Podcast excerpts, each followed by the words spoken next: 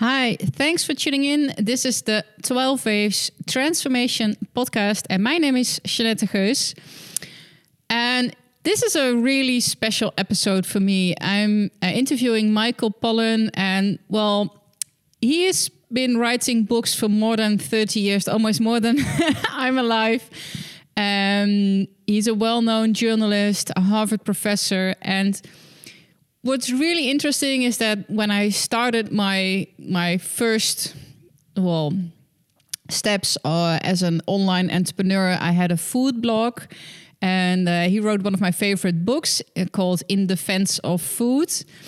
And then my journey continued, and I well got to where I am now, and um, I'm a psychonaut myself, so I did a couple of um, ayahuasca sessions and I'm really interested in that topic in psychedelics and how this can teach us and support us um, in a really positive way. And then, of course, his new book came, How to Change Your Mind. And I just devoured it from cover to cover. I really, really loved it.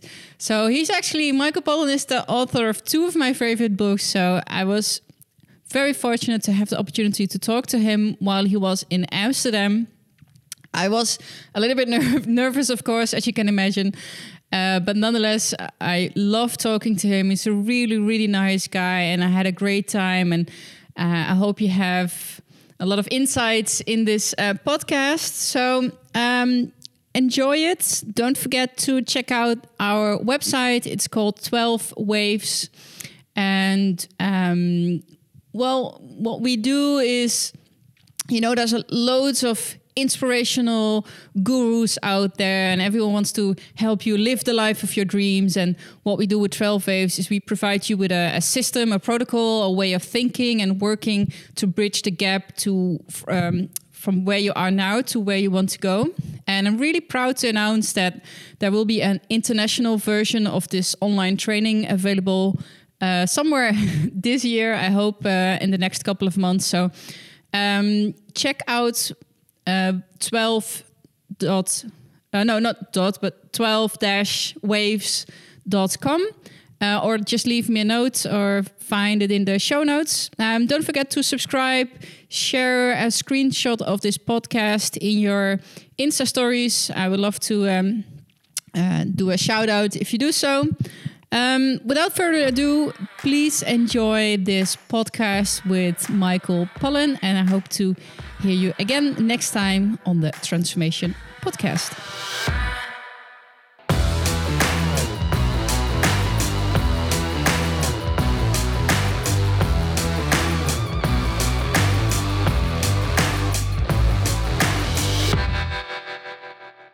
It's so funny that in my like previous life i had a blog about food and health. Uh, your book was one of the the books to go to. Like i would recommend to people now in this different life like this next step and then here we know, are it's, it's again your book. I have found uh, there was a real concern when when i was publishing this book that i would alienate all my food readers and they would be surprised disappointed shocked.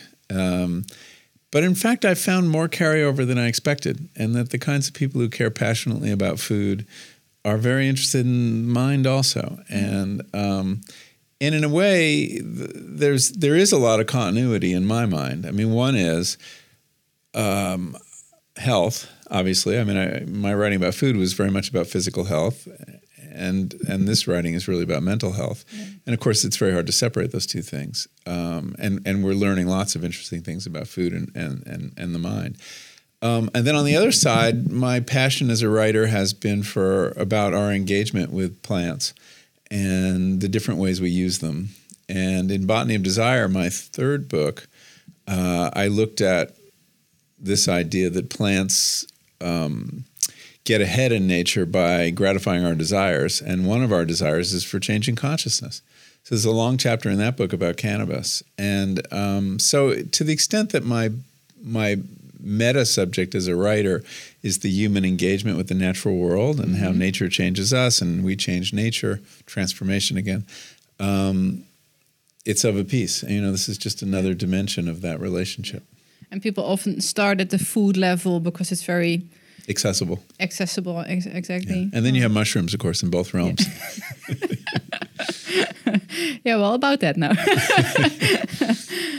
um, normally, um, I, I've, I think this is one of the first podcasts that I really prepared.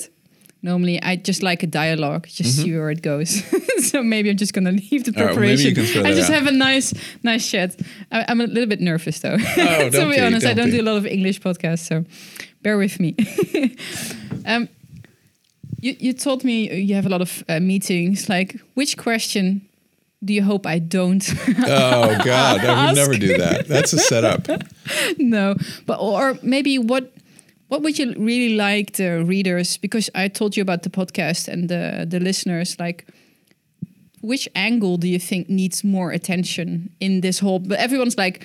Um, in the psychedelics, I'm open about my microdosing, my Yeah. my ayahuasca experiences, and people ap- approach me like, "Oh, aren't you afraid? It's a bad trip. It's addictive." And that question really gets a little bit boring. Yeah, and it comes up. I just I just had a long conversation with a journalist who came at it from that point of view, and I think I think it's important to understand that the uh, that our thinking about psychedelics is still stuck in the '60s, pretty much, and that's the last time it was at the center of public debate, and eh, the conversation hasn't moved on that much. And the, and the story back then was well, there were a couple stories, but one was about these were dangerous drugs that had the potential to scramble your chromosomes. Um, that uh, send you to the mental to, uh, hospital, yeah, defective babies, and that may it might make you want to do stupid things like stare at the sun till you go blind. These stories were around, and I know because I was a kid then, and I heard them, and, and I believed them. But when I decided to explore this issue in the first person and, and actually take them for the book, you know, I was a, very much a grown up and and had concerns and did a lot of investigation to assure myself that I wasn't doing something foolish. And I was surprised what I learned. I mean, I, I learned that the drugs are, uh, and uh, let's just talk now here about uh, psilocybin and LSD, that the drugs were remarkably non toxic, um, less toxic than a great many drugs you have in your medicine cabinet that you bought over the counter without a prescription from a doctor. Um, less toxic than acetaminophen, um, than you know cold medicines, um, and that was a shock to me. Um, there's no lethal dose for psilocybin or uh, LSD, at least that's been established. Um, they're not habit forming either. Um, that in the in the the classic tests of of uh, of addictive behavior, when you give drugs, uh, you know, consciousness changing drugs to animals. Um, if you set up that rat with the levers, the two levers, one for the drug and one for sugar water or food, uh, you know, with cocaine, they'll keep pressing the lever till they die. Heroin, they'll press it till they're addicted. Um, LSD, they'll press it once and never again. They won't go near it. Uh, uh, animals apparently don't know how to process this experience if they even have it. Um, so, non addictive, non toxic, uh, like how many drugs that change consciousness have that profile? There are risks, uh, and the risks were largely psychological, and they were confined to people at risk for psychosis or, or serious mental illness, um, or people who took the drugs in really unfavorable circumstances, um, where you know without anyone guiding them or helping them. Um, because they do disable you. They disable your judgment. It's you might walk out into traffic. You might decide you could fly. I mean, things like that happen. But I was talking about the use in a in a very controlled circumstance with uh, with a guide or a shaman, um, and under those circumstances, um, the risks are actually quite minimal. You only risk having a, a mystical ex- experience. experience. Yeah. And, and you do, I mean, it's important to say you do risk having some very psychologically painful experiences. I mean, people who have, you know, people, you know, very scary things happen. There are confrontations with your mortality. There are, um, or you can surface very painful memories that you've lost track of. I mean, all these things can and do happen. Whether they're bad is another question. They're bad if you're not prepared and you don't know how to make use of it. They're actually very positive if you're with someone who can help you process the material. Um, and so the, the serious guides and therapists don't like the expression bad trip. They say it's a challenging trip. and that a bad trip can actually be quite good in what you learn about yourself. Um, so yeah, I mean, if you know, one of the goals of this book is to is to give people a new frame in which to look at this uh, that isn't uh, dragged down by all that 60s baggage. Mm. Um, which, and you know, the 60s was one moment in the history of psychedelics. There was, of course, a very active research period in the 50s. And then there's all the ancient uses of psychedelics in traditional cultures. But all most of us have in our head is this 60s experience. And for most people, that has negative connotations. Yeah. Um, can, can you walk us through a little bit like the highlights of the, the research that had been, has been done in the 50s? Because I wasn't I was aware that there was research. It wasn't until I read your book like, whoa, it was this big. Yeah. It's it's I, I was surprised too. I know. Like, how, how could this be just neglected? yeah, I know. Um, I don't know of another case in the history of science where you had all this work being done, and much of it uh, very promising, and then it's just kind of written out of the history of the discipline. Um, and indeed, many of the researchers were shocked also to find this. So in the 50s, once um, after uh, Albert Hofmann discovered LSD, uh, his company, um, uh, Sandoz, big pharmaceutical company, I think now it's part of Novartis, um, knew they had a powerful drug. It was a psychoactive drug. It changed uh, people's perceptions in profound ways temporarily they just didn't know what it was good for. Um, and in order to find out, they did something very kind of modern in a way. They did this kind of open source, exper- crowdsourcing uh, science. So they offered LSD 25, as it was known then, um, to any researcher who had a reasonable plan um, to either administer it in a therapeutic setting or do, um, uh, you know, even self-administering it to, to get interesting reports on what goes on. Um, and so researchers around the world began requesting LSD, and beginning in 4950, um, they began working with it. And um, they tried it on uh, various things. They tried it on schizophrenics. They tried it on people with personality disorder. This didn't seem to be very successful, although there's there's some some doctors reported good experience. They tried it on alcoholics, and this was probably the most promising indication. Um, the, there was one meta analysis done of all the studies of alcoholism and LSD in the 50s, and it reported rates of success of about 50% of getting people to abstain long term, which is remarkable. Mm-hmm. I, I, don't think we have anything quite that good. There was even conversation about bringing um, LSD into Alcoholics Anonymous, um, that it might help people get sober. Um, and the theory was that the psychedelic experience was a little like uh, the delirium tremens, the DTs, which people who are hitting bottom experience, and it often involves a transformative mystical experience that allows them to get sober. Um, that didn't happen. I think that AA, the board of AA, felt this kind of was a mixed message to include an intoxicant in treatment of drug addiction. Um, let's see what else. There was work on depression um, and anxiety, and there were uh, psychiatrists in LA who were administering it pretty regularly to a large clientele, uh, including many well-known people. Um, there was a, a, group in Vancouver and another in Saskatchewan in Canada who were using it uh, to treat alcoholism um, there were these research pockets all around America and in Europe. There was a lot of activity in, in London as well. Um, something like 40,000 subjects participated in clinical trials of LSD and psilocybin between 1950 and 1965. Uh, there were 4,000 published studies. So this was big. Yeah, yeah. and there were six international conferences devoted to LSD itself.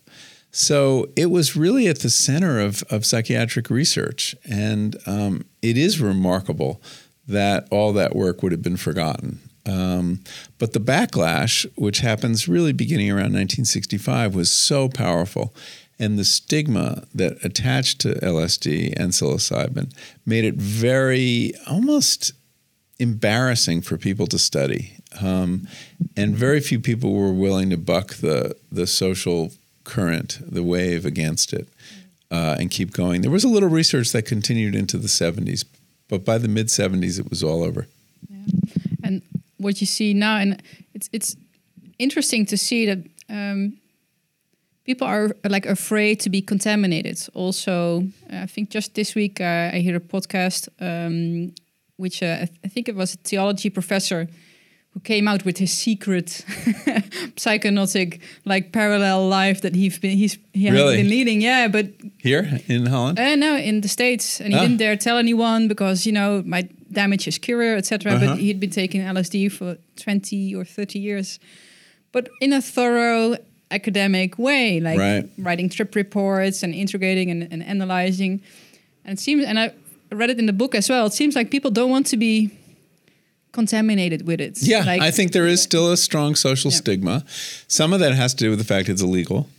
Um, some of it has to do with the fact that it's contaminated by the 60s, these 60s associations. Um, and some of them, especially, I would imagine, among people with a religious orientation, that taking something into the body to achieve a, a, a religious experience is somehow doesn't feel authentic um, and that there is something you know more meaningful to any kind of insight you achieve by the dint of hard work. that's a It's a Puritan idea. It's an interesting topic. Uh, Two thoughts about that. Um, some people t- told me as well, like, oh, and, and I, I microdose with LSD, um, and it helps with personal development, doing ego work, of course.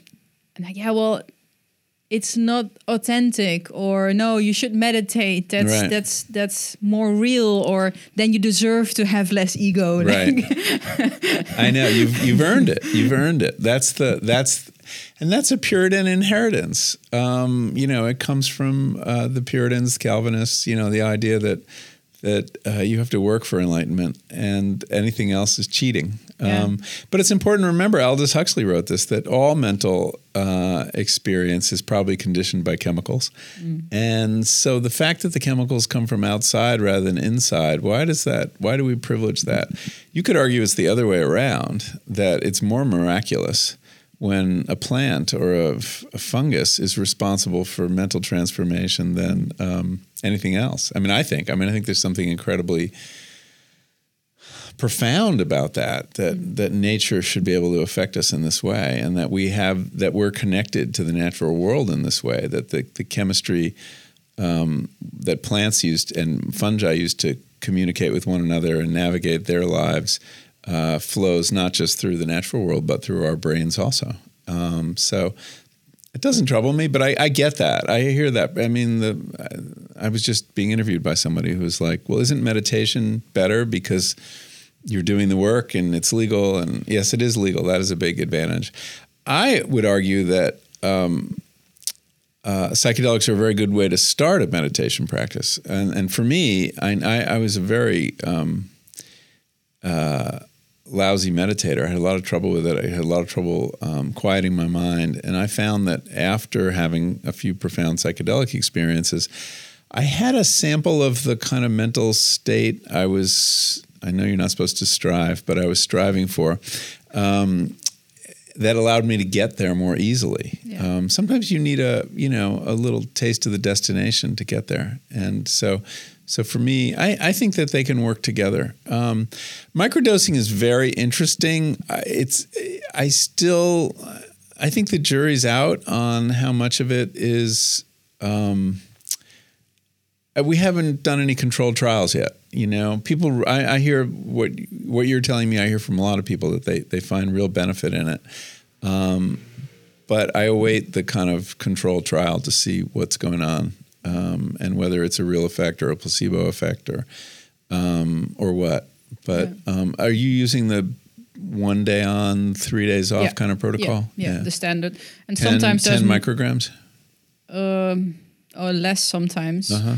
Uh, and sometimes it's it's not two days; it's it's more days, or even a couple Yeah. of weeks. I'm off Uh-huh. because I feel like you really change something, and you're in such a flow state. I'm, I'm already like turned on and and doing what I love to do, and I don't le- need this extra Yeah. little push or a nudge.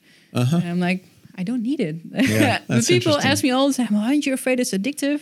Well, I'm Well, no, it's not addictive, and, and and in fact, if you take it too much, it loses its effect. Mm. That's that's why people are advised against doing it every day. Yeah, yeah. I, I couldn't even fathom doing it two days in a row. Yeah. no. Interesting. and do you do it on work days or non-work days? Uh, mostly work days. Work days. Interesting. Yeah. But the funny thing is, because I've taken ayahuasca um, in the last three years, I guess maybe 18 times. I went to Peru as well, spent some time there with a shaman. Um, it feels like this valve or the veil, whatever you want to call it, it's easily uh, accessible to go into that realm again. Uh, Yeah, once you've been there a couple right. of times. I guess uh, same with meditation. If you go there a Yeah. couple of times, it's Right. easier to get there. So sometimes when I microdose in the evening when I go to bed, I feel like, oh, wait, hang on, this is not like a full blown uh, psychedelic experience, but I there's this little hint, and Yeah. these insights come, and it's very Yeah. meditative. Um, Well, I, you know, part of the psychedelic experience that doesn't get nearly enough attention is that after the peak of the experience, which can be very intense and involve, you know, synesthesia, hallucination, all these kind of things, there's this long denouement, this long tail Yeah. after where you're in this state where you're not, it's not psychologically intense or violent. It's a very meditative state. And you have this wonderful sense of flow and association going on, but you're not you're totally in control and you can you can decide to think about X or Y. Yeah. And you can do some really good thinking and do some good mental work. And and I found that really interesting both on ayahuasca and psilocybin and, and LSD, and that it doesn't sort of get nearly enough attention. And maybe that that condition is more the microdosing condition. I don't know. I think it, it, it looks like it, and actually, I like that. The, that's the best part for me, the Uh-huh. detail. Because Yeah. of course, well, I'm a Western analyst. I like to be in my head, you know, Right. and that's the place where oh, you can be in your head. the nice insights come and the associations. And right. um, uh, you mentioned ayahuasca. I didn't read it in your book. One of the questions I, I wanted to ask you, like, how did your psychedelic journey continue after finishing the book? Did it continue? No, it hasn't. Um, there were I, I did have two ayahuasca sessions that I mentioned in, in passing. I didn't go into great detail with them. They were interesting for a couple of reasons. One was it was a group dynamic, which changes things. I was in a circle, um, and there was um, you know a, a shaman. It was a Westerner, but uh, you know who had studied shamanism. So there was uh, the singing, and there was the smoke, and there was the you know all the ritual Yeah. that goes with it. It was they were wonderful experiences.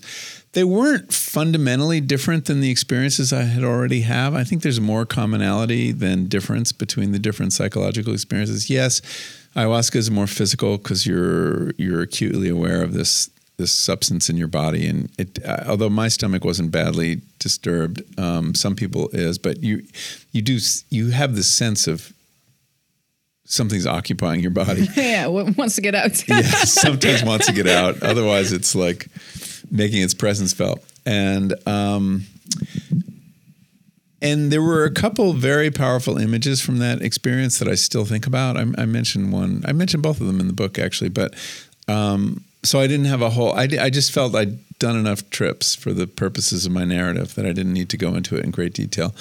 Um, I I don't think I'm done with what I could get out of psychedelics, but I also feel now that I'm so public and having used them and so open about it that I'm I'm just careful, you know. I mean, we're in a weird legal moment in the United States, and I also don't want to do anything that could possibly jeopardize the guides that I work with. So staying away from them is is probably a good idea. Um, you know, if if it were if I could do it safely and legally, would I do it again? Absolutely. Um, I can easily imagine a situation where I would um, have a guided psychedelic trip every year on my birthday. I think that'd be a wonderful way to celebrate a birthday and take stock of where you are in life, do a little work, figure out what you should be working on next year, and um, and I wish we lived in a world where that were were you know possible. We don't quite, um, but no, I, I, don't think my work is done. Um, and there's some substances I haven't tried too that I'm curious about, like um, peyote or mescaline, um, DMT. Uh, so yeah, there's more work to do, but I, I, just sort of feel like having published the book now, um, I uh, I should you know lay low for a while. Yeah, was a lot of backlash, uh, um, or how how did people respond? There were, you know, I was shocked how little backlash there was. I mean, th- this book has had a warmer reception than I had any reason to expect. I thought first my f- people who read me on food and agriculture would be disappointed, as I was saying earlier. Not the case. Um, that there might be some legal pushback. Not the case so far. Knock on wood. yeah. Um, well, at least not in Amsterdam at the moment. no, I know. I feel safe here. Um, or that uh, there would be, you know, a psychiatrist coming out and saying this man is, you know, dangerous and telling people things he's going to, you know. And there was a little of that. I heard from some kind of old line psychiatrist that, you know, I should be talking more about risk. Fair enough. Um, but they were, but they would say things that indicated real ignorance on their part. Like, um, uh, somebody wrote a letter to the editor of the Times, who's a prominent psychiatrist on the faculty at University of Pennsylvania, saying, you know, there's a re- real risk here. You could have a um, a psychotic experience the way Pollan did, as if I'd you know had a psychotic experience. And and I realized though, if you're a psychiatrist, you're trained to uh, diagnose certain symptoms, mental mm-hmm. symptoms, as psychosis, and one is hallucination. One is, you know, hearing voices, um, having your personality dissolve. These are all forms of mental illness through that lens, yeah. and he that's the lens he was stuck in. The fact that it was temporary and the fact that it felt really good rather than terrifying didn't count in his view. So there's a little pushback from psychiatrists. On the other hand, a lot more oh, receptivity from them than I expected. And that's a function of the fact that I think the field of psychiatry and mental health in general, uh, mental health treatment, recognizes how broken their system is mm. and how little they have to offer patients. And I hear that over and over and over again.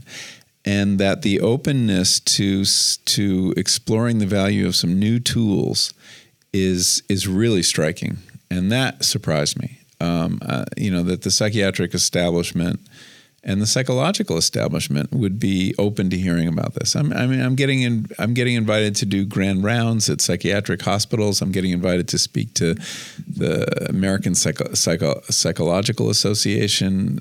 This is I didn't expect that. Yeah. So, no, much less pushback than I thought. And you know, there my publisher was a little nervous because people know how to buy a book on food. They've done that many times, but do they know how to buy a book on psychedelics beyond the little circle of people who are passionate about psychedelics? Well, it turns out they are. And and the reason in part is as the subtitle makes clear, in, in America, I don't think it does here.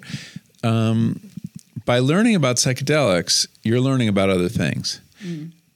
In other words, the object of study here is the mind and the brain, not this one chemical and what psychedelics has to reveal about the mind and the brain, which is quite a lot. Um, so you learn also about depression and anxiety and um, consciousness and dying and all the different um, uh, dimensions of life on which psychedelic experience and research is shedding light it's it. I know the next question. It's it's kind of a difficult question, maybe. Of course, is it the experience that we have in it during a trip, like what we see? Is it drug induced, or is it a a reality that really does exist outside of our heads? Uh, I don't uh, uh, yeah, I know where you're going. Yeah. like, is there this supernatural realm, or, or even, I mean, plant consciousness or consciousness all around? Is it just something that's like a um, projection? Yeah, is yeah. it in our minds? Well, if you go to Peru to the to the shamans, they're absolutely convinced it's a realm outside of them. Yeah, it's not only in their heads. You're communicating with spirits yeah. outside. Well, there's an interesting debate among people as to what is consciousness, and is consciousness the product of brains, or is it a field or something else that exists outside of us that we tune into? I tend to, you know, I went into this being very dismissive of that idea. I'm less dismissive, um, but I'm I'm not sure. I mean, I think it's still a mystery. It's a mystery to me. Um, I had experiences, you know, for example, of plants who clearly appeared conscious to me in during one of my trips and seemed like you know in some sense they were returning my gaze and that they were aware of me and they were very benign. They could not have been nicer but um, uh, and i don't know exactly how to credit that. I mean in some sense i do believe plants are more conscious than we give them credit for in that they're aware of their environment they respond in appropriate ways but they're not self-conscious i don't think um, but I do believe we reserve the privilege of consciousness a little too much for ourselves, and it is more. It's spread over the world more broadly than we allow. Certainly among animals, and possibly among plants. Um, so uh, I guess I've been opened up to to mysteries that I was more closed about. I, you know, I still tend to think that it's more parsimonious to believe the that brains produce consciousness, but I'm acutely aware of the fact that no one has shown how. Nobody has a clue how, um, and that um, scientists, science, you know, may never penetrate that mystery. Um, so, you know, what can I say? I'm kind of agnostic on the point. Much more curious than I was interested in exploring. And actually, that is some pushback that I got. Um, I should have added that to the earlier answer. People who felt like I hadn't taken seriously enough the metaphysics of the psychedelic experience. But, you know, when I had this, I had one big experience of ego dissolution that was quite profound and, and transformative for me. Um, and the shock was that when I saw my sense of self, my usual sense of self, completely scatter to the wind and then dissolve into a liquid spread over the landscape, um, that I didn't disappear. Now, what's this other I that suddenly took over? This, and it was a very cool, objective, dispassionate, untroubled, uninvested I that was perceived perceiving the scene of the complete obliteration of my former self that mm. I should have been more concerned about. Um, but I wasn't. And so there was this split in the first person that had opened up. And I, to this day, can't tell you what that other perspective was. Now, Aldous Huxley talked about the mind at large, that there is a more universal consciousness that you plug into on um, psychedelics. You're opened up to it and that's probably what he would say. And that that and it certainly had a kind of quality of objectivity of of not being um, idiosyncratic to me in some sense but i still tend to think it was the product of my mind. Okay. But but that's still a huge deal that mm. you know that you you something survives the death of your ego that there is another ground on which to stand as a person besides that chattering sense of self that we, you know, is always trying to run the show and give us a hard time and um, build walls between us and the rest of the world. All those things. I mean, so regardless of where it comes from, there is another perspective, and that was that was big news. Yeah, was that also the biggest takeaway that you got from your trips? Um, read a little bit what you told in, read um, wrote about in the book about ego and having a yeah. different perspective on what ego is, and yeah, it's not a permanent state, but now you know that this is there. Yes, and that and that changes everything. Yeah. I mean, you you know, if you if you no longer identify one to one with your ego, like that's me, um, that opens up lots of other possibilities, I think, and is a very uh, liberating experience can be terrifying too. But I mean, you know, a lot of us feel very dependent on our ego, and it is kind of our guide through life. Um, but when you realize, when you get a little perspective on it, you can shut it up sometimes. You can diminish its power over you. And I think that is really healthy.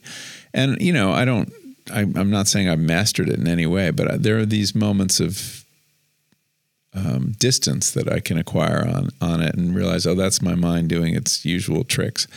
You know, it's very much of a Buddhist insight. I mean, that this is a this this is an illusion. You don't you can just ignore it, and you can let things go that previously you you clung you clung to with incredible energy.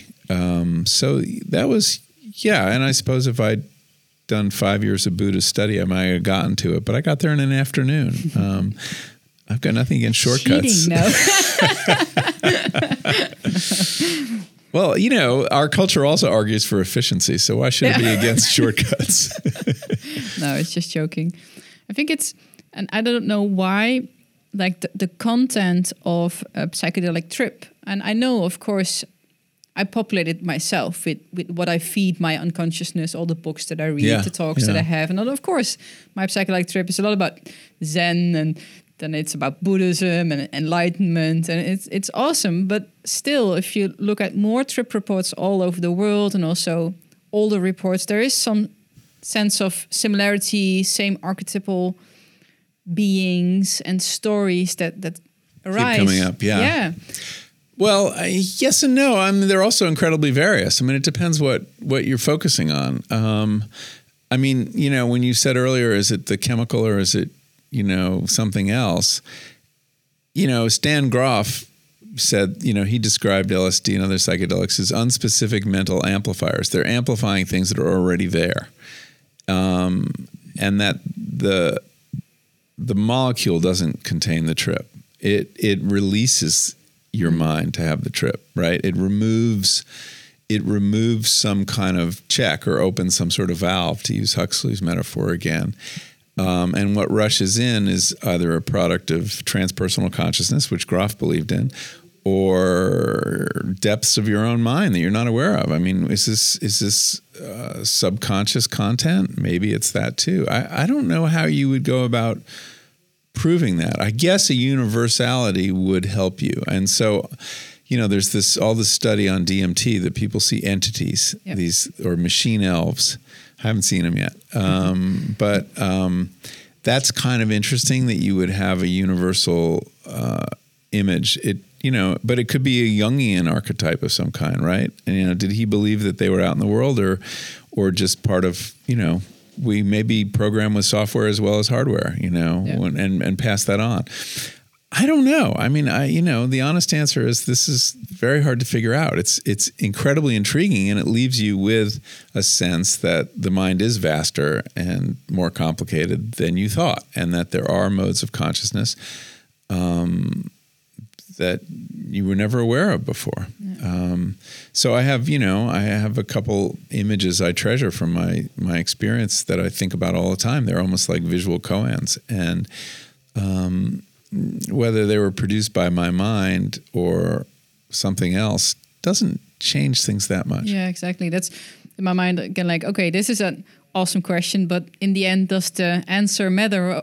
Of course, for theory building, yes. Yes. But for my experience, no. Exactly. Exactly right. But it is nice to like Oh, it's search it's, for it. It Yeah. is. It's fascinating, and you know, I I I wish we have answers, but I I also think, what would an answer look like? You know, this is not something our well, maybe it is. I mean, that that that our scientific tools could ask for. I mean, there was you know there was a period in which science was very interested in looking at um, uh, paranormal paranormal phenomenon right i mean it was a, it was a really big deal around the turn of the last century and there are still a handful of people working on it and so you know when i when i'm dismissive of that as some people think i am i do hear from those people from time to time and there are some pretty serious researchers who still working on that um, looking at past lives uh, looking at near death experience all these kind of things that seem to suggest um, you know that consciousness survives yeah, like a continuity in in the consciousness. right Yeah. and um, so yeah i mean and they're, they're trying to use conventional scientific tools to prove it but we'll see Yeah, exactly. um, Um, the, the title of the book, How to Change Your Mind. Mm-hmm. Of course, the whole book is the answer, but can we change our mind? And and how should we do it, or can we do it? Well, I do think we can change our minds. I mean, I, I, I think we change our minds all the time. Every time we learn something, we're actually changing our brains and our minds. Um, but that you can do it profoundly as an adult is a big deal, I think, and that psychedelics can help. I mean, one of my one of my uh, big takeaways from this book too was the fact that most of what we know about psychedelics in the West has been a, the testimony of young people. Um, people in the 60s took psychedelics when they were teenagers or in their early 20s, and older people didn't use them for, you know, there was a real um, generation gap around that question. And yet, I think that their value is much greater the older you get. And, and the reason for that is that as you get older, you get more trapped in mental habit and habits of all kinds. And habits are notoriously difficult to break. Um, our brains lay down pathways, and the more you use those pathways, the stronger and stronger they get. Um, and you so you see people, you know, uh, changing your mind gets more difficult the older you are. It is a more flexible, resilient uh, f- um, object um, earlier in your life than it becomes, and what surprised me, and this was talking to all the people I interviewed. I mean, I, I, I, interviewed many people who'd undergone trips in the in the trials, drug trials, was that they were able to change their minds in, in, in really profound ways. I'm talking about people who'd smoked cigarettes their whole lives who were able to give up their habits, or alcoholics, or cocaine addicts. Uh, I talked to people who were uh, had not known the absence of a depression since 1992, had their first month without being depressed. Can you imagine? I mean, no. talk about altered state of consciousness. I mean, mm-hmm. that's going to a whole new place. You know, it didn't last. But going to that point about knowing the destination, this woman said, "Look, I know it's possible. I'm not going to give up hope." Yeah. Um, were these the like the the redo of the Good Friday experiments? The, no, or just uh, other. Uh, yeah. Well, that and others. I mean, the, the treatment of addicts uh, at Johns Hopkins, the um, depression study at Imperial College in England. I'm, I'm going across the whole okay, range, okay. but including some people yeah. from that. Uh, 2006 study. Um, people who had no faith in God who who found it. Uh, people who uh, had lived in fear of death who lost it. Um, this was quite remarkable. And these are people who are 50s and 60s, not kids. Um, and so this these molecules seem to have the power to kind of reset the mind in some ways. Um, that temporary relief from the the the the um, power of the ego, I think, is part of it, mm-hmm. and the temporary rewiring that happens when the ego is offline um, gives you a chance to break out of those um, those rigid patterns, rigid mm. mental patterns. There was a beautiful metaphor that one of the uh, researchers, who happens to be Dutch, and it's a Dutch metaphor, um, uh, told me oh, in an interview. He uh, he said um, his name is Mendel Kaelen, and he worked in Imperial College uh, with their trials, and uh, he said, imagine the the brain as a hill and your thoughts as as sleds going down that hill. The reason it's Dutch is because we would have said mountain. well, it's not even Dutch. We don't even have. You barely have hills, but you. I mean, you do a little sledding, I guess. Yeah. So, um, and as you know, the more often you take the sled down the hill, the more deep the grooves will be until it becomes very hard to chart a new path. And you will be drawn into those grooves over and over and over again. They'll get deeper and you'll be drawn, and you cannot figure out another way to go down the hill. The the profound psychedelic experience is like a new fall of snow on that hill. It fills all the grooves, and uh, and suddenly you can go down the hill any way you want. Um, I thought that's a beautiful metaphor, yeah. uh, and it's um, there's a lot of truth to it. Um, so, so anyway, anything that helps us break our mental habits late in life, I think, is a is a great gift, and and this seems to be that. Might be a. Um, can we talk a little bit about the default mode network and Yeah. the, the ego because it's a sometimes a complex thing to grasp, and, and especially the relation with depression, I guess. And the reason I asked this, um, a couple of people I know that also microdose. Um, they told me that you would expect a relief from like depressive symptoms if you microdose because the default network gets a little bit shut down or quieted down a little bit. Uh, but sometimes it's the reverse. I think it's really interesting. I don't know why. Like maybe there is something that you normally cannot touch that needs to get out. I don't know. Um, but w- w- so let's start with the default mode Yeah, network. well, I, I can't really address microdosing because uh, the- there's nothing to be said, said Yeah. that isn't anecdotal at this point. Um, but the default mode network and its role in uh, psychedelic experience and meditation is one of the most interesting neuro- neurological uh, findings of all this research.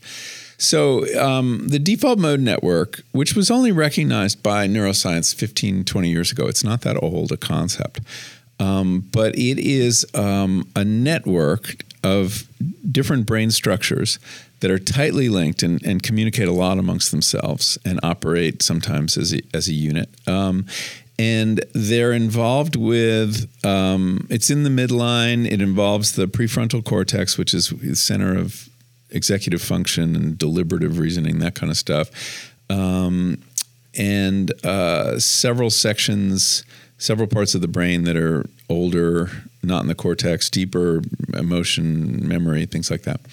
Um, it seems to be involved in the uh, in the in self reflection.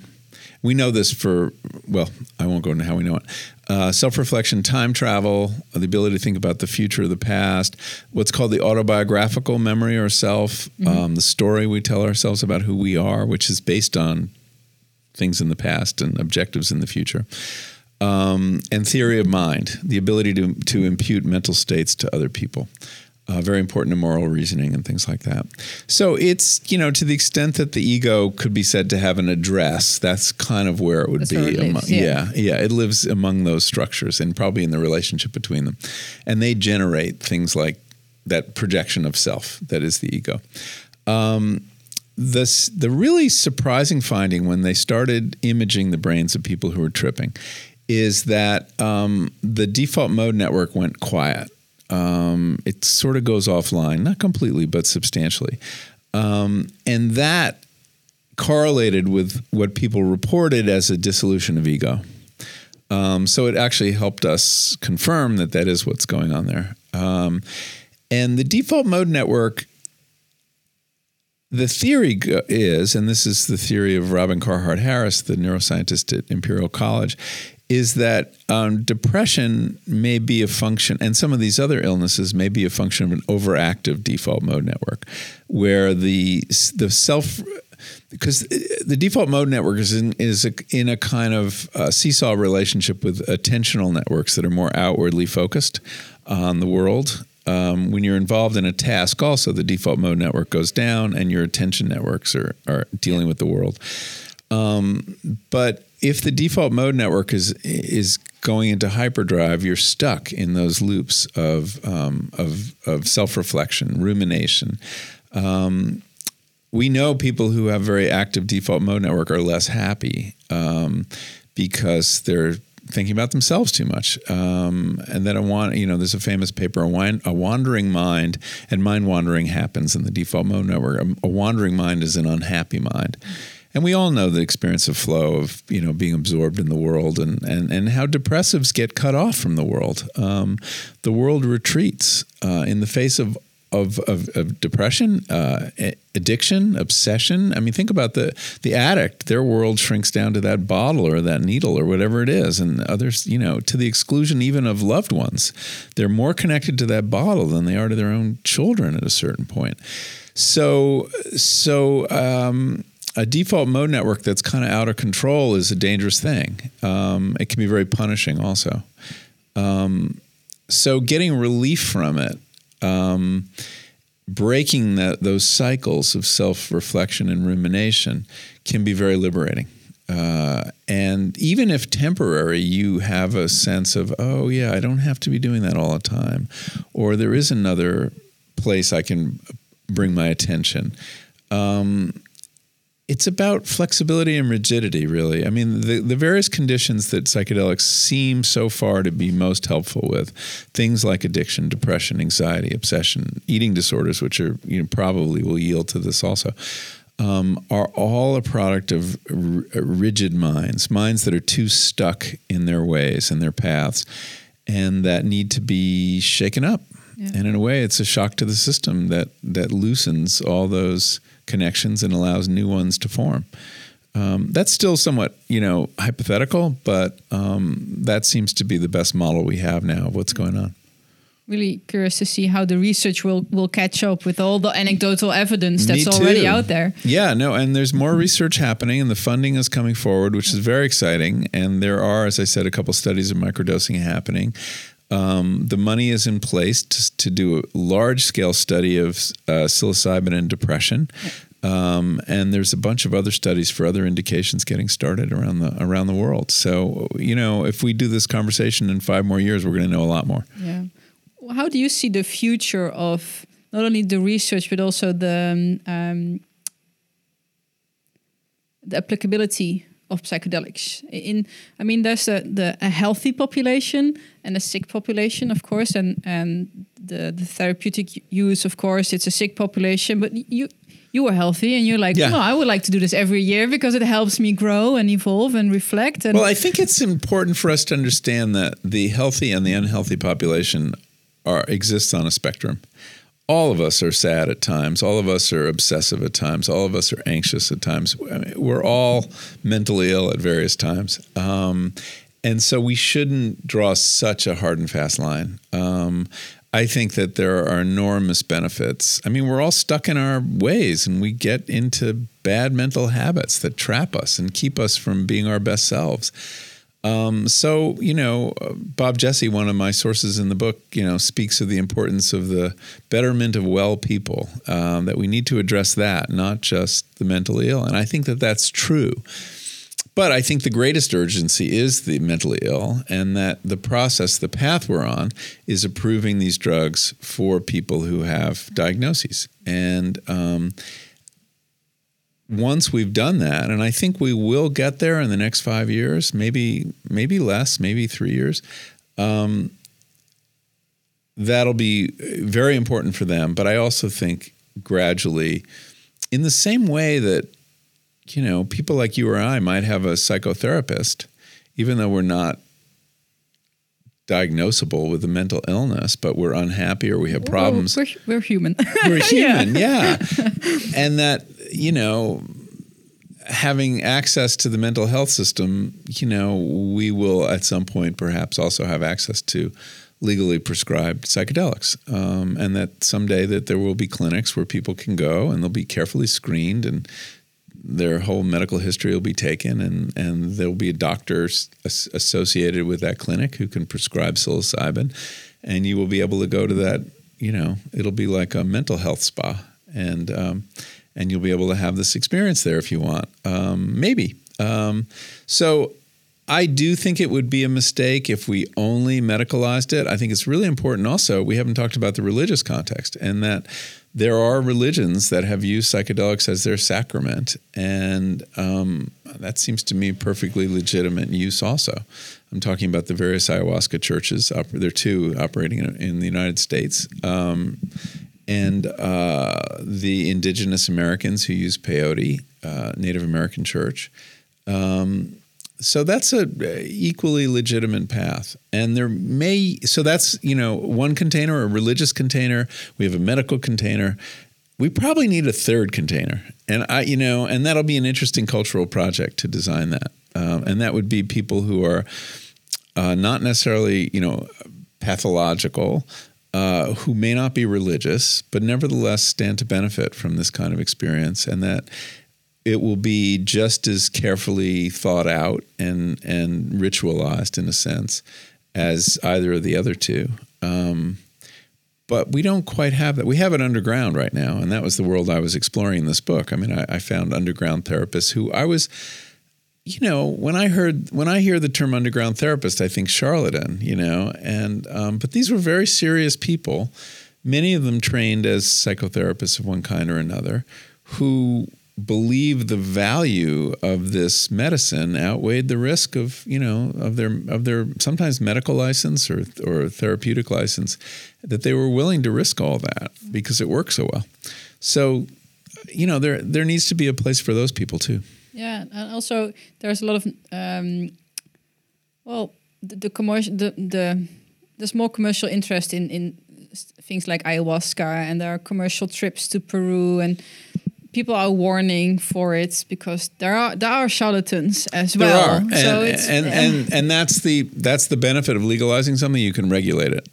And the fact is, there have been some horrible stories of sexual abuse in um, in Peru um, and that that is a real risk of this mm. this kind of work. Uh, and if it's totally unregulated and people don't know who's a shaman and who's a charlatan, uh, yeah, bad things are going to happen. I was just thinking this morning, like, what if we have a new '60s, like now, mm-hmm. when it gets more mainstream and people loosen up because and I, I hear that in your story as well. The ritualized context is really the set and setting is really important. Yeah. And I sometimes I hear people that take acid on like LSD when they go to a festival, and I could I know. never. I can't, I, I can't imagine how. It. How could you? I know. Doesn't sound like fun to me. No. Um, well, you know, I think part of what happened in the '60s is that these powerful molecules arrived without any ritual.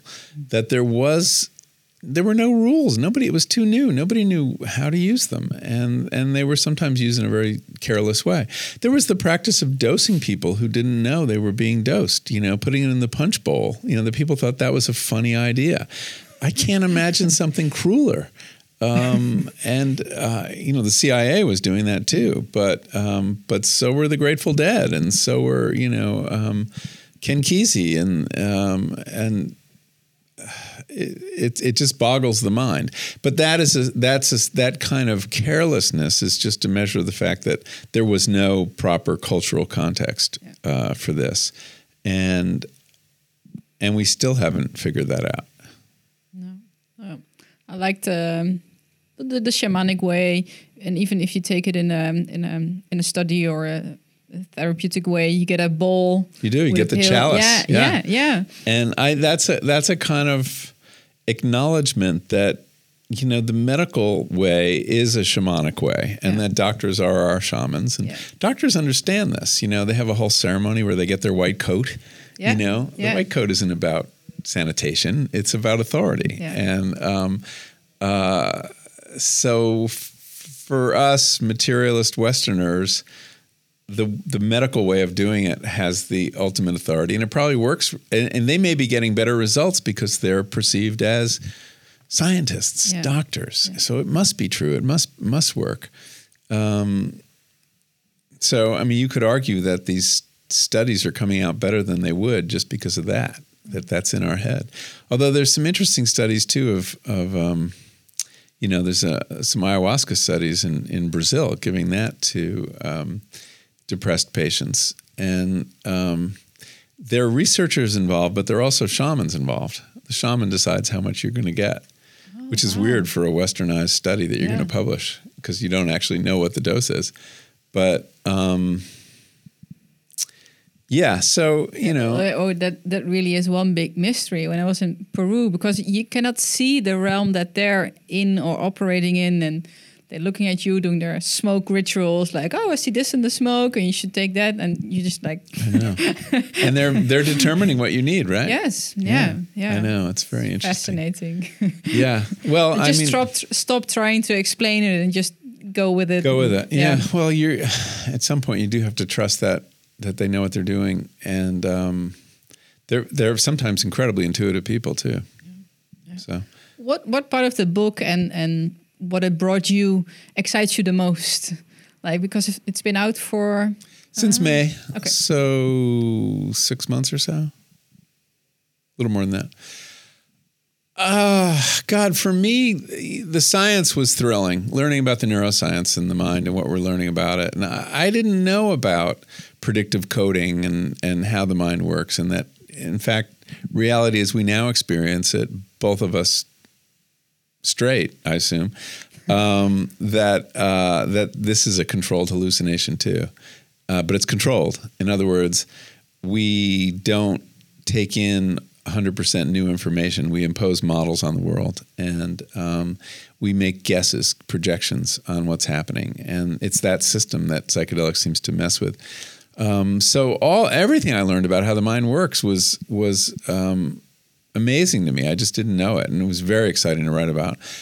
And then my own experiences too, which was you know harder to write about, believe it or not. I mean, the science is way beyond my. I'm an English major, so you know that was hard stuff for me. I, I don't I don't know that much about neuroscience, or didn't when I started, but describing a, psych, a psychedelic trip in a way that is not boring to people um, and how to convey it is ineffable as everybody says. How do you eff it? And um, uh, so as a writing challenge that was enormous but it, it, proved to be great fun once i kind of figured out how to do it. Um, so those i would say those two are the how, how do you do it? I think it's like how do you explain a dream or or i mean i had uh, psychedelic experiences.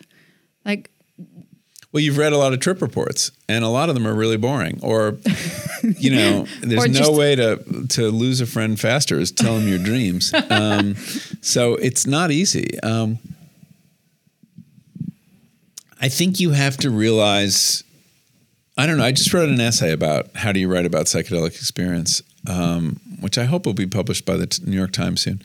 Um, there was a couple things. I mean, one is writing in such a way that you're both inside the experience and outside at the same time. So you can go back and forth and acknowledge to the reader who may not have had a psychedelic experience how crazy this sounds and that you're so you're writing from inside the experience and outside the experience. It's the same way if in a good memoir you are writing as an eight-year-old and and and and kind of trying to embody the world as an eight-year-old sees it, but you're also writing as a sixty-year-old looking back yeah. and whatever perspective that brings.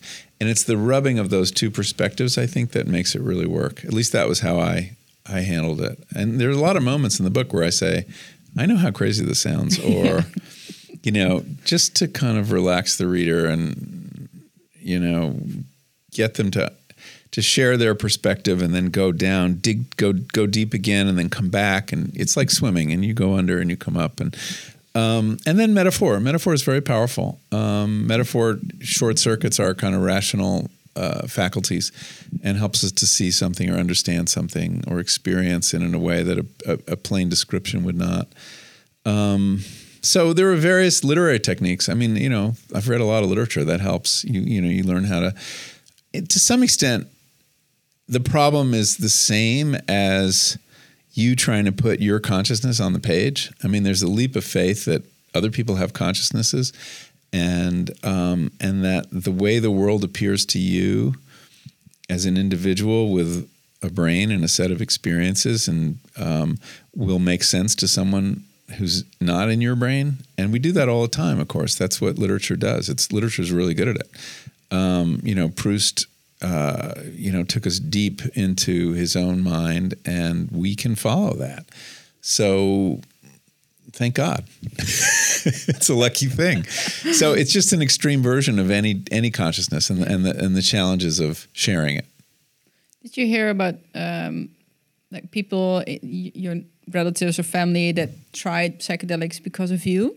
Because that's what I found mm. really scary. I went to a retreat and I met someone. He's like, "Oh, I found this place because of your podcast."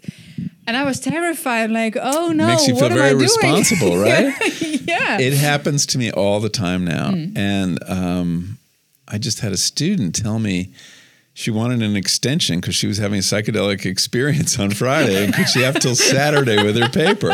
It's like, oh That's my. a bad excuse, though. Come on. but Uh, yeah, there are people all around me who are want to have this experience. I'm I'm conspicuously not making any referrals or or helping people because I, I just I don't think it's smart for me to do that. Um, but yeah, and I hear from the most unlikely people who would like an introduction um, uh, to a guide or where to find psilocybin, and um, yeah, so I do feel like I've inspired a great many psychedelic trips, and that does fill me with a sense of dread and foreboding and what if it doesn't go well? Um, because you know that's what we talked about in the beginning you are going to encounter difficult yes, times. yeah. It's not all fun and games. no, no. and um, uh, so you know i'll talk to people and help prepare them but uh, especially students, it's very awkward. All the I teach at Harvard now, and all these students come to my office hours, and they want to start a psychedelic club. And I said, "Great, you go, you go ahead and do that, but I can't be involved." Um, not going to be the next uh, Timothy, Timothy Leary. Leary, no. exactly. Um, so, yeah, I mean, I, I do feel, you know, but I also inspired people to put in gardens in previous books, and, and I'm happy or about that. Healthy, yeah. Or eat healthy. And this happens. I describe things in a way that people apparently want to do it after they've read it. Um, I, but I hope I've, you know, I've, I hope I've sounded enough cautionary notes and explained the importance of a guide, for example. I put a lot of resources on my website um, for people who are thinking about this. Like, not it doesn't obviously direct you to a guide, but um, how to approach it and um, how to like what to look for, what indicators that it's yeah, and also yeah. you know if you're not going to find a guide, there's some good books to read. Jim Fadiman wrote a really good book called The Psychedelic Explorer's Guide, which is um, if you're going to do it in an amateur way, it's just a very good preparation and um, has some very good rules of the road for for people who want aspiring guides, um, or if a friend we're going to guide you. Um, so I, you know, I've, I've, tried to give people some resources, but in the current environment, it's limited what I can do, and um, uh, so I have to realize that people are going to do what they're going to do, and um, if something really bad happened and it was because I had inspired someone to do it. Yeah, I'd, I'd feel terrible about that, but but I have to realize that could happen. Yeah. And and still then again it is what it is and it might have happened anyway so that's right. Yeah. You you, you just never know. Yeah. um, but so far um, uh, it's all been okay. Yeah. Do you feel like sometimes i hear people talk about the psychedelic experience like there's a life before and after for a lot of people it's a big benchmark a big yeah. pivotal moment often do you feel that in your case as well no, I wouldn't say I feel that. I mean, I think I was changed in certain ways. I think I'm a more open person. I think I'm more uh, emotional or outwardly emotional than I was. Um, I surprise myself sometimes in my getting choked up about certain things. I was I had my last class of the semester the other day, and I got teary, like saying goodbye to these twelve kids, and it was like, whoa, what's happened to me? Um, that didn't used to happen. Um, so there's that. And, you know, as I said, this understanding of the ego is definitely changed. Not a, it's not something I'm aware of every day, but I, I can achieve some distance on the operations of my ego. And, but in many ways, I'm sort of back to baseline. I don't have that feeling I had for about a month of feeling really different and feeling like this kind of, you know, people describe it as kind of an afterglow um, uh, you know that that that passed. But there are some definitely. I learned some things, yeah. and those things stick with me. I don't feel like I'm a a different person in my day to day experience. Um, and you know, I asked my wife this question too, and and because I because a lot of journalists have asked me, and she felt that there were differences. Um, and the example she pointed to was um, the death of my father, which happened last January, and that I was just kind of more emotionally available to him and everyone else in my family than I think I normally would have been. I spent more time with him than I had to. And it's a kind of situation I would have um, probably minimized my exposure to at other times in my life, but I, I, felt very present to it. I'd, I'd spent so much time with so many people who were dying or had cancer that um, I felt more comfortable with that, um, I guess. So I think that was a change. Um, but these are subtle. I mean, these are you know subtle changes. I don't feel like I was that way. Now I'm this way. It's not like a religious conversion for me. Uh, one, which, um, well, two final questions. Which book uh, influenced you the most? If you look, because you've read about Books about psychedelics. Yeah, no, Uh, well, well, or my books. Yeah, your your books. Oh, If you look at because I can imagine there's also phases that you go through. yeah, and, and yeah. Well, I would say this book. I mean, this book was closest to the bone. This was the most personal and most emotional book that I had to uh, think the hardest about. It challenged me in ways that other books haven't, um, both in a literary way and. So I would say this one, Botany of Desire, too, was a very important one for me. I mean, that really contains the germs of everything I did since, whether it was about agriculture and food or or psychedelics, um, and this understanding of our relationship to plants. So that was a real, whoa, storming out there. so the worst weather here, um, said the Californian. But you don't have fires um, and earthquakes, probably, right? No. Yeah. Okay. So it's a wash. Um, yeah, I would say those two books.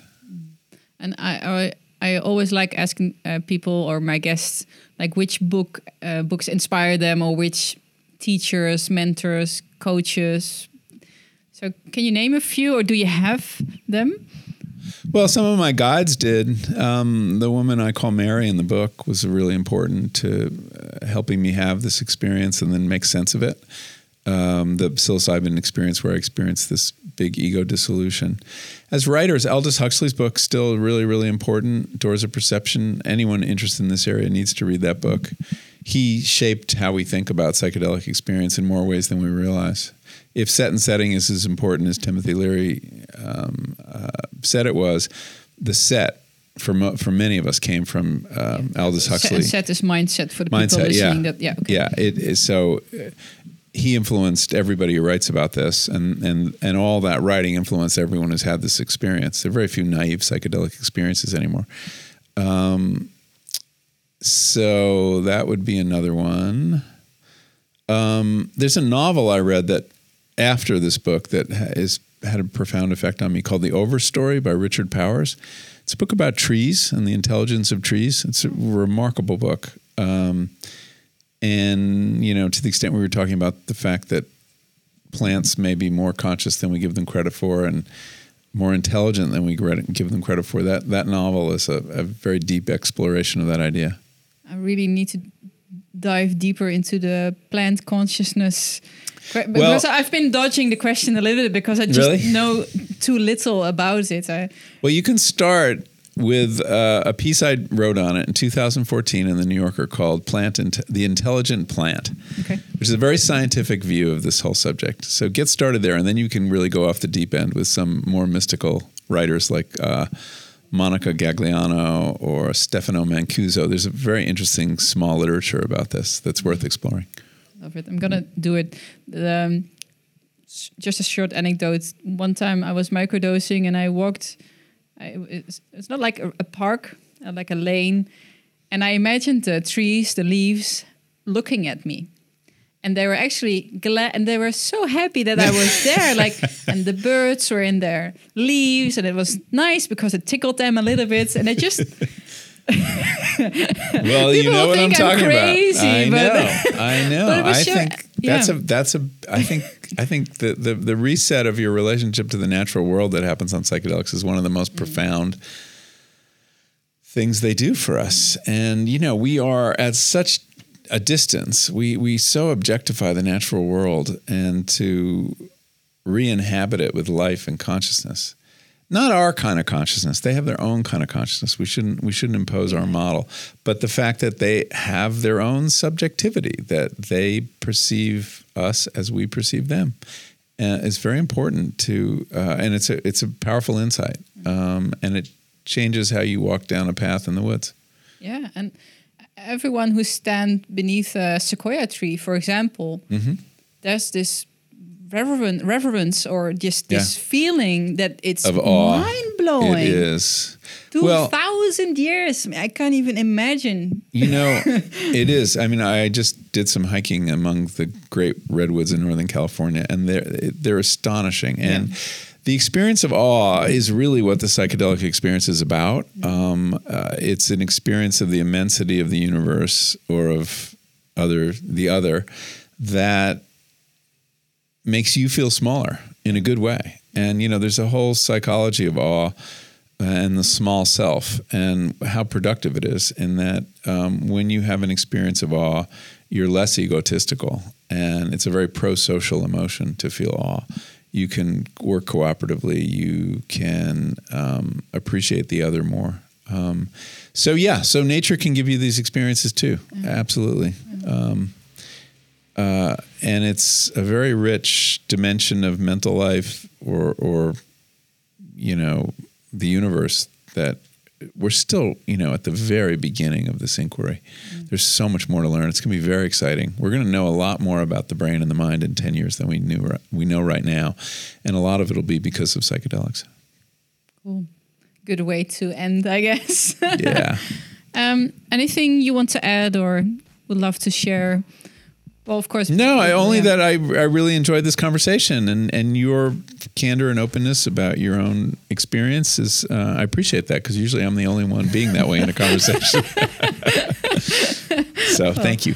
Well, thank you too.